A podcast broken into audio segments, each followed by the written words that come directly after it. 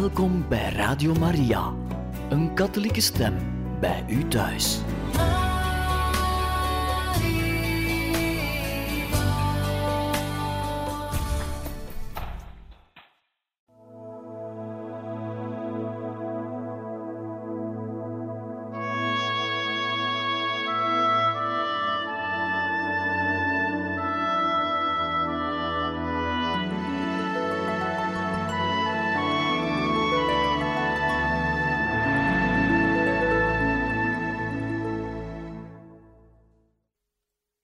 Van harte welkom, beste luisteraars van Radio Maria, bij het programma Heiligen Getuigen. Vandaag beginnen we in een nieuw boek. Het titelt Mijn levensverhaal, Therese van Lisieux, en dat gaat natuurlijk over de heilige Therese van Lisieux. Geschreven door Dr. Koen de Meester. Alvorens we echt aan het verhaal gaan beginnen, kunnen we misschien toch even kijken naar de inleiding die de auteur heeft neergeschreven en die ons ook wat meer verduidelijkt welke manuscripten gebruikt zijn om dit boek samen te stellen.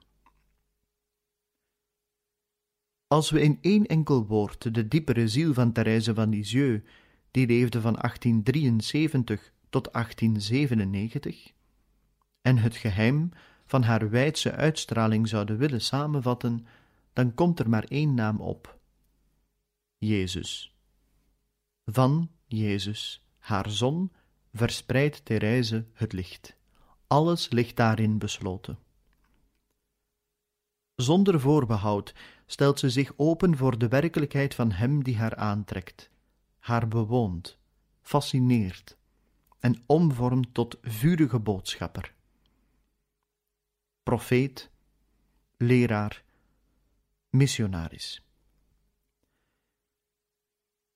Er vibreren zoveel roepingen in haar, en alles wel beschouwd had de karmelites liever gezwegen om in stilte door liefde verteerd te worden en slechts apostolisch gebed te zijn in het hart van de kerk, zoals Maria in het cenakel. Toch heeft deze kerklerares gesproken, maar haar woord is haar als het ware ontstolen door de liefde en de gehoorzaamheid, of beter nog, door Jezus zelf. Zo schrijft ze Jezus heeft mij doen aanvoelen dat ik door een eenvoudig gehoorzamen hem aangenaam zou zijn. Ze zal dus schrijven zoals de priorin van het klooster het gevraagd heeft, maar zonder het gebed te verwaarlozen. Wat ik ga doen, is dit ene. Ik ga bezingen wat ik eeuwig moet blijven herhalen, de barmhartigheden van de Heer. De ware dynamiek van haar leven ligt niet in de gebeurtenissen die haar dagen hebben gevuld. Het accent valt op de werking van Christus in haar leven, op de goddelijke barmhartigheid, die als een gouden draad door het weefsel van haar bestaan loopt. Ze zal heilsgeschiedenis schrijven, haar persoonlijk heilsverhaal. Mijn gedachten over de genaden die de goede God mij heeft willen verlenen, zo omschreef ze het zelf. Therese toont haar werk als de geschiedenis van haar ziel. En er zit inderdaad veel ziel in dit boek. Veel van ziel tot ziel met hoofdletter Z. Alles is er wederkerige blik, herlezing van al wat de vrezene heeft gedaan in haar verwond bestaan, dat heel arm geweest zou zijn zonder deze aanwezigheid, waardoor het nu omgevormd is. Daar komt het geheimvolle contact tot stand, dat zoveel lezers geboeid heeft. Vanuit de blik van Therese op diegene die ons het eerst heeft liefgehad, springt een vonk over. En wat als ik mij nu ook onvoorwaardelijk openstellen zou voor deze zon? Bij het beluisteren van Therese groeit gaandeweg een fundamentele verstandhouding. U erkent uw eigen zwakheid, maar ook de hoop die ons in Jezus aangezegd is. Dit levensverhaal is een levensverhaal dat hoop schenkt. Het eerste wat we zullen horen is manuscript A. Dat is het eerste autobiografisch manuscript geschreven voor moeder Agnes. Laten we dus even de wordingsgeschiedenis, structuur en juiste perspectieven bekijken van dit levensverhaal. In deze Nederlandse courante editie is het echter niet mogelijk op elk ogenblik de bron aan te duiden van de vele details die u zal horen. Indien u daar wel interesse in hebt, in al die details, kan u eventueel het, uh, de nieuwe Franse kritische editie van de Histoire du Name en naar enkele andere studies verwijzen en op die manier toch meer informatie bekomen. Alles is begonnen op een avond aan het begin van 1895. Therese, die op 2 januari haar 22e verjaardag viert, haalt tijdens een gesprek met haar zussen Marie en moeder Agnes wat herinneringen uit haar kindertijd op. Marie dringt erop aan dat ze dat alles neer zou schrijven. Moeder Agnes, priorin van het klooster, aarzelt. Memoires schrijven is in de Karmel niet gebruikelijk. Maar uiteindelijk geeft ze toe. Ze vraagt Therese het verhaal van haar leven op papier te zetten en zonder dwang op te schrijven wat haar in gedachten komt. Nu, het jaar 1895 is voor Therese een ideaal moment om te vertellen welke weg ze gegaan is. De jonge karmelites is tot een zeldzame spirituele rijpheid gekomen en in menselijk opzicht beleeft ze een hoogtepunt van geluk en vrede. Onlangs heeft een flits van genade haar weg verlicht. Tijdens de herfst van 1894 heeft ze met een overweldigende helderheid ingezien hoezeer God van haar houdt, met de liefde van een vader en een moeder tegelijk. Met barmhartigheid, die de kleine mens zoekt, juist omdat hij klein is.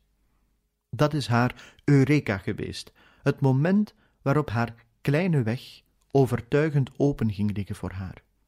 Voortaan vertrouwt ze haar droom van heiligheid volkomen toe aan de heiligende werking van Jezus alleen. Van tijd tot tijd schrijft Therese nu verder aan haar levensverhaal. Deze indringende meditatie draagt er sterk toe bij dat ze op 9 juni van datzelfde jaar, 1895, op het hoogfeest van de heilige drie-eenheid, meer dan ooit begrijpt hoezeer Jezus bemind wil worden, schrijft ze zelf. Als antwoord geeft ze zich onvoorwaardelijk over aan het vuur van de barmhartige liefde. Eind 1895 is het manuscript af. Op 20 januari 1896, vooravond van het naamfeest van de priorin, overhandigt ze haar schrift. Het tweede manuscript is manuscript G, een tweede autobiografisch manuscript voor moeder Marie van Gonzaga. Op 21 maart 1896 namelijk beëindigt moeder Agnes haar ambtstermijn als priorin. In haar plaats wordt Marie van Gonzaga gekozen. Moeder Agnes vindt nu tijd om op haar gemak het verhaal van Therese te lezen. Meer dan ooit is ze onder de indruk van wat ze in de diepte van Therese's ziel ontdekt. Als de gezondheidstoestand van haar zus een jaar later op onrustbarende wijze verslechtert, wordt het duidelijk dat de jonge karmelites niet lang meer te leven heeft. In deze omstandigheden trekt het manuscript van Therese opnieuw de volle aandacht. In de Karmel bestond namelijk de gewoonte om na de dood van een zuster een min of meer uitvoerig overlijdensbericht rond te sturen naar de kloosters van de orde en wat vrienden. Daarin werd sumier het leven van de overledene opgeroepen en de hoofdtrekken van haar spiritualiteit. In de geest van moeder Agnes gaat nu het idee rijpen van een meer uitgewerkte levensbeschrijving, die op wat grotere schaal verspreid kan worden. De boodschap van Therese is immers zo rijk. En heeft ze zelf niet, voor een stuk, het verhaal van haar geestelijke groei al gedaan. Helaas heeft Therese in haar manuscript de geschiedenis van haar religieuze leven heel erg ingekort. Moeder Agnes vraagt zich nu af of Therese haar verhaal niet zou kunnen vervolgd worden. Wel is daarvoor de toestemming van de priorin nodig. Moeder Marie van Gonzaga vindt het een goed idee en geeft Therese de opdracht haar kleine leven, zoals moeder Agnes het noemt, te vervolgen. Het gaat dus duidelijk om de voortzetting van het kleine leven. Het nieuwe manuscript G, of Gonzaga, sluit direct op manuscript A, Agnes aan. Dat kunnen we al meteen lezen in de eerste woorden die Therese tot moeder Marie van Gonzaga richt. Lieve moeder, u hebt me de wens uitgedrukt dat ik samen met u het bezingen van de barmhartigheden van de Heer voltooien zou. Die blijde melodie ben ik begonnen met uw lieve dochter Agnes van Jezus. Therese voltooit dus wat begonnen was. De twee manuscripten A. Agnes en G. Gonzaga vormen dus in narratieve, intentionele en psychologische zin een eenheid. Dit moeten we blijven respecteren. In deze volgorde, manuscript A, direct gevolgd door manuscript G, zijn ze ook gebruikt in de eerste uitgave van de Histoire du Naam in 1898 en zo zal dat blijven in alle volgende edities tot na de dood van moeder Agnes in 1951.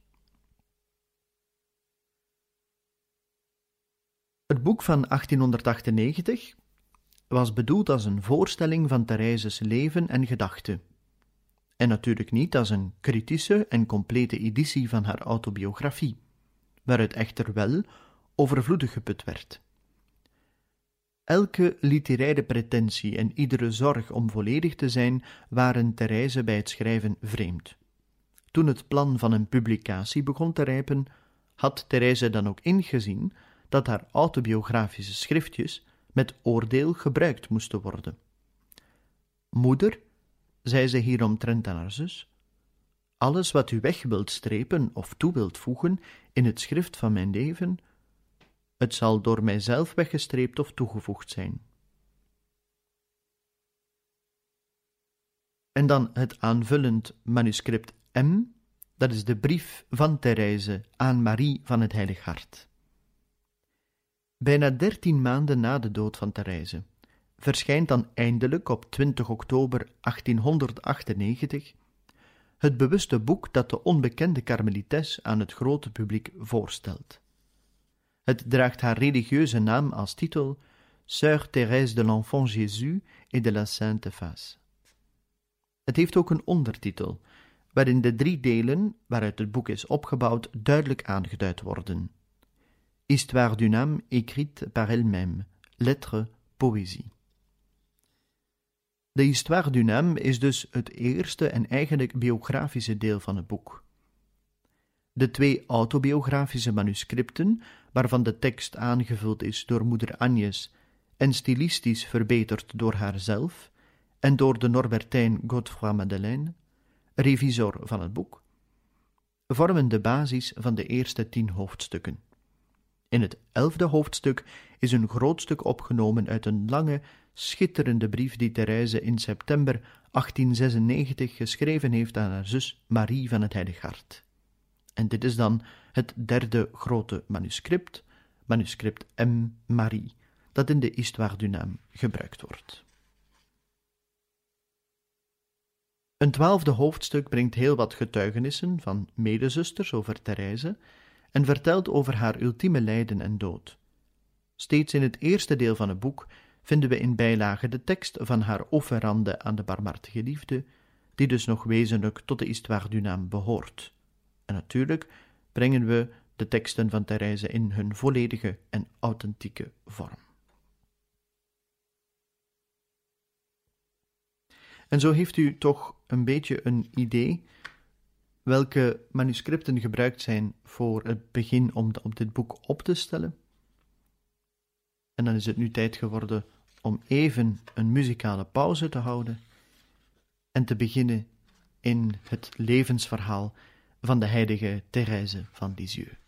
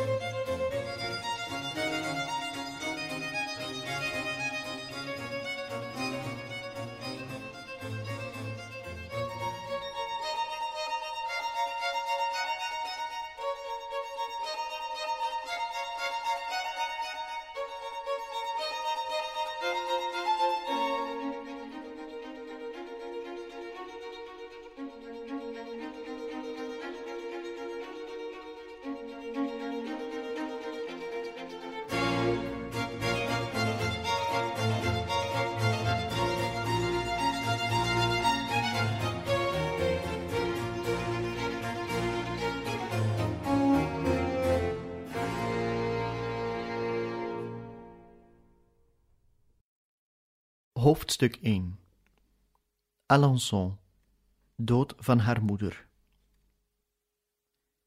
Levensverhaal van een wit bloempje, opgetekend door haarzelf en opgedragen aan de eerwaarde moeder Agnes van Jezus. Januari 1895. Aan jou, lieve moeder, die tweemaal mijn moeder bent, kom ik de geschiedenis van mijn ziel toevertrouwen. Toen je mij vroeg dit te doen, was ik eerst bang dat mijn hart daardoor te veel in beslag genomen zou worden, en dat ik te veel met mijzelf bezig zou zijn. Maar Jezus heeft mij doen aanvoelen dat ik door eenvoudig te gehoorzamen hem aangenaam zou zijn. Trouwens, wat ik ga doen, is dit ene. Ik ga bezingen wat ik eeuwig moet blijven herhalen: de barmhartigheden van de Heer. Voor ik begon te schrijven, knielde ik neer voor het beeld van Maria. Zij heeft ons zo vaak laten merken dat zij als de koningin des hemels een moederlijke voorkeur voor ons gezin heeft. Ik heb haar gesmeekt mijn hand te leiden, zodat ik geen regel zou schrijven die haar onaangenaam is.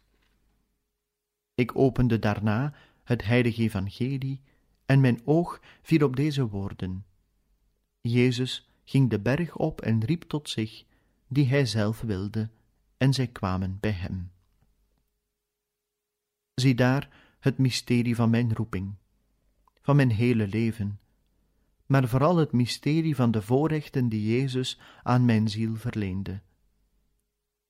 Hij roept niet degenen die het waard zijn, maar degenen die Hij zelf wil, of, zoals de heilige Paulus zegt, God zal zich ontfermen over wie Hij zich wil ontfermen, en Hij zal barmhartigheid bewijzen aan wie Hij wil.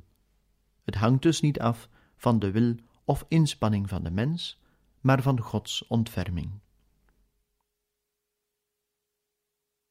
Ik heb me lange tijd afgevraagd waarom de goede God zo zijn voorkeuren heeft, waarom niet alle zielen evenveel genade ontvangen. Ik verwonderde mij erover te zien hoe hij rijkelijk buitengewone gunsten uitdeelde aan heiligen die hem eigenlijk mishaagd hadden, zoals de heilige Paulus en de heilige Augustinus, en die hij als het ware dwong zijn genade te ontvangen. Of ook wanneer ik in heiligenlevens las hoe onze lieve Heer andere heiligen koesterde van de wieg tot het graf, zonder op hun pad één enkel obstakel te laten liggen dat hen belemmeren zou in hun opgang naar Hem.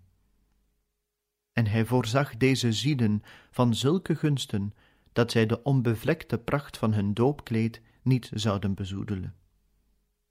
Ik vroeg mij af waarom bijvoorbeeld die arme in de wildernis levende mensen in groten getale sterven, voor zij de naam van God zelfs maar hebben horen uitspreken. Jezus was zo goed mij over dit mysterie te onderrichten. Hij bracht mij het boek van de natuur onder ogen. Ik begreep dat alle bloemen die hij geschapen heeft mooi zijn. De pracht van de roos en het smetteloze wit van de lelie nemen het kleine viooltje zijn geur niet af, of het madeliefje zijn schitterende eenvoud. Ik begreep dat als alle kleine bloempjes rozen wilden zijn, de natuur dan haar lentetooi zou verliezen. De velden zouden niet meer versierd zijn met bloempjes. En zo is het ook in de wereld van de zielen, de tuin van Jezus. Hij heeft grote heiligen willen scheppen die vergeleken kunnen worden met de lelie en de rozen. Maar hij heeft ook kleinere heiligen gewild, en deze moeten er tevreden over zijn madeliefjes of viooltjes te zijn, die God blij maken als hij zijn blik naar beneden richt. De volmaaktheid bestaat er in Gods wil te doen, diegene te zijn die Hij wil dat we zijn. Ik begreep ook dat de liefde van onze lieve Heer zich even goed openbaart in de meest eenvoudige ziel die in niets Gods genade in de weg staat, als in de meest verheven ziel. Het is eigen aan de liefde om zich neer te buigen. Als alle zielen zouden zijn als die van de heilige kerkleraars, die de kerk met de helderheid van hun leer verlicht hebben, dan zou het lijken alsof God, wanneer Hij alleen tot hun hart reikt, niet ver genoeg afdaalt maar hij schiep ook het kind dat niets weet en alleen wat zwakke kreetjes kan laten horen. Hij schiep de arme, in de wildernis levende mens, die als gedragsregel alleen de natuurwet kent. En tot hun hart heeft hij af willen dalen. Dat zijn de veldbloemen die door hun eenvoud hem verrukken. Door zo af te dalen laat de goede God zijn onmetelijke grootheid zien zoals de zon de hoge ceders verlicht, maar tegelijkertijd ieder klein bloempje alsof het alleen op de wereld is, en zo houdt onze lieve Heer zich op even bijzondere wijze met elke ziel bezig, alsof er geen gelijke is. Net als in de natuur alle seizoenen zo zijn gerangschikt dat op de daarvoor bedoelde dag het eenvoudigste madeliefje ontluikt, zo werkt alles voor het welzijn van de ziel.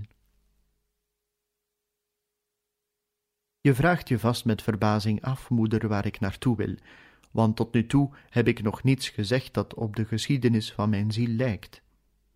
Maar je hebt mij gevraagd om zonder dwang te schrijven wat mij in gedachten komt. Strikt genomen is het dus niet mijn leven dat ik ga beschrijven, maar mijn gedachten over de genaden die de goede God mij heeft willen verlenen. Ik ben nu in een periode van mijn leven gekomen waarin ik kan terugblikken op het verleden. Mijn ziel is gerijpt in de smeltkroes van uiterlijke en innerlijke beproevingen. Net als een bloem die door de storm gesterkt is, hef ik mijn hoofd op, en ik zie dat in mij de woorden van Psalm 22 werkelijkheid zijn geworden. De Heer is mijn herder, niets kom ik tekort. Hij laat mij rusten in grazige weiden. Hij brengt mij voorzichtig langs het water. Hij leidt mijn ziel zonder haar te vermoeien. Maar zelfs al moest ik gaan door het dal van de schaduw des doods, dan nog zou ik geen enkel kwaad vrezen, want U bent bij mij, Heer. De Heer is voor mij altijd vol medelijden en zachtheid geweest, traag om te straffen en overvloedig in barmhartigheid.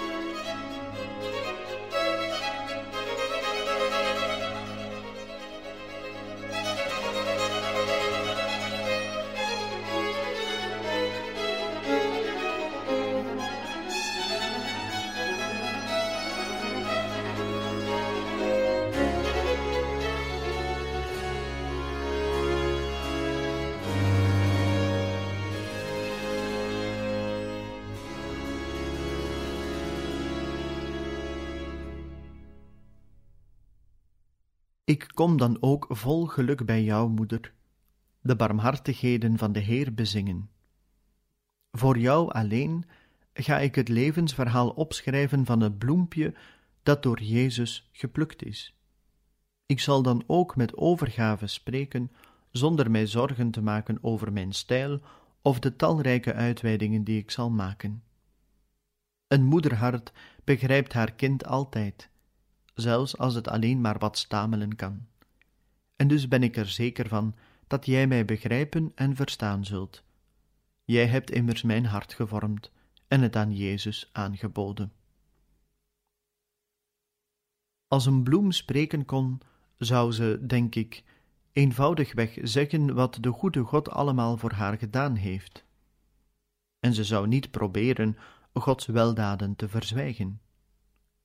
Ze zou niet onder het mom van valse bescheidenheid zeggen dat ze geen gratie bezit en geen fijne geur heeft, of dat haar glans door de zon is weggenomen en haar stengel door de storm geknakt is, terwijl de bloem voor zichzelf wel weet dat juist het tegendeel waar is.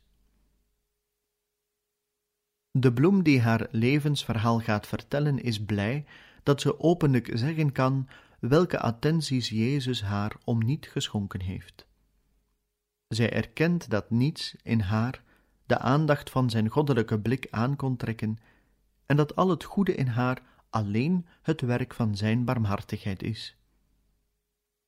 Hij heeft haar geboren doen worden op heilige grond die als het ware geheel van een maagdelijke geur doordringd was. Hij heeft ervoor gezorgd dat acht stralende witte lelies haar vooraf gingen. In zijn liefde heeft hij zijn kleine bloempje willen behoeden voor de giftige adem van de wereld. Nog voor haar kroonblaadjes zich geopend hadden, bracht de goddelijke redder haar over naar de Karmelberg, waar de twee lelies, die haar in de lente van haar leven omringd en zachtjes gewicht hadden, hun zoete geur al verspreiden. Zeven jaren zijn voorbijgegaan, sinds het kleine bloempje wortel geschoten heeft in de tuin van de bruidegom der maagden. En drie lelies wiegen nu naast haar met hun heerlijk geurende bloemkronen in de wind. Wat verderop ontluikt een andere lelie onder de blik van Jezus. En de twee gezegende stengels die deze bloemen voortgebracht hebben, zijn nu voor eeuwig samen in het hemels vaderland. Daar zagen ze de vier lelies terug die de aarde niet heeft zien ontluiken. Mogen Jezus de bloemen die in ballingschap gebleven zijn, niet al te lang op de vreemde oever laten. Mogen de lelietak al snel in de hemel volledig zijn. Een korte kanttekening. Het zijn verwijzingen naar de acht kinderen die Therese voorgingen, twee broertjes en twee zusjes, die op jonge leeftijd zijn overleden. En de drie lelies dicht bij Therese zijn haar zussen in de Karmel: Marie, zuster Marie van het Heilig Hart, Pauline, moeder Agnes van Jezus, en Céline, zuster Geneviève van het Heilig Aanschijn. De andere lady is Leonie, op dat moment zuster Thérèse d'Osité, later zuster Françoise Thérèse, in de visitatie van Caen, die zich op 20 juli 1895 zal verlaten, om er op 28 januari 1899 definitief terug te keren. En de twee gezegende stengels in de hemel zijn de ouders, Louis Martin en Zélie Guérin. We gaan verder met de weergave van het levensverhaal van Thérèse van Lisieux. Moeder, ik heb net in weinig woorden samengevat wat de goede God voor mij gedaan heeft. Nu treed ik meer in detail over mijn kinderjaren.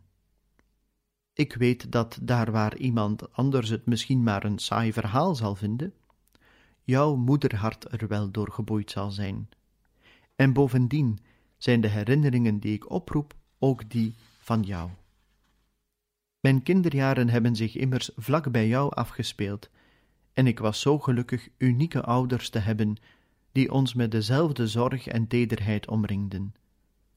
Mogen zij hun kleinste kind zegenen en het helpen de goddelijke barmhartigheden te bezingen.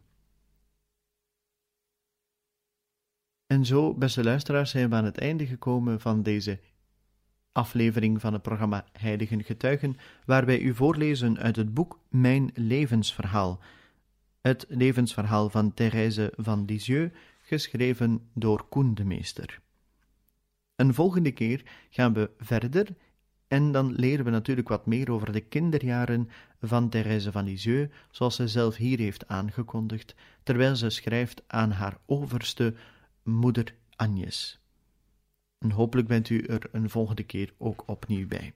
Van harte dank en nog een bijzonder fijne dag gewenst.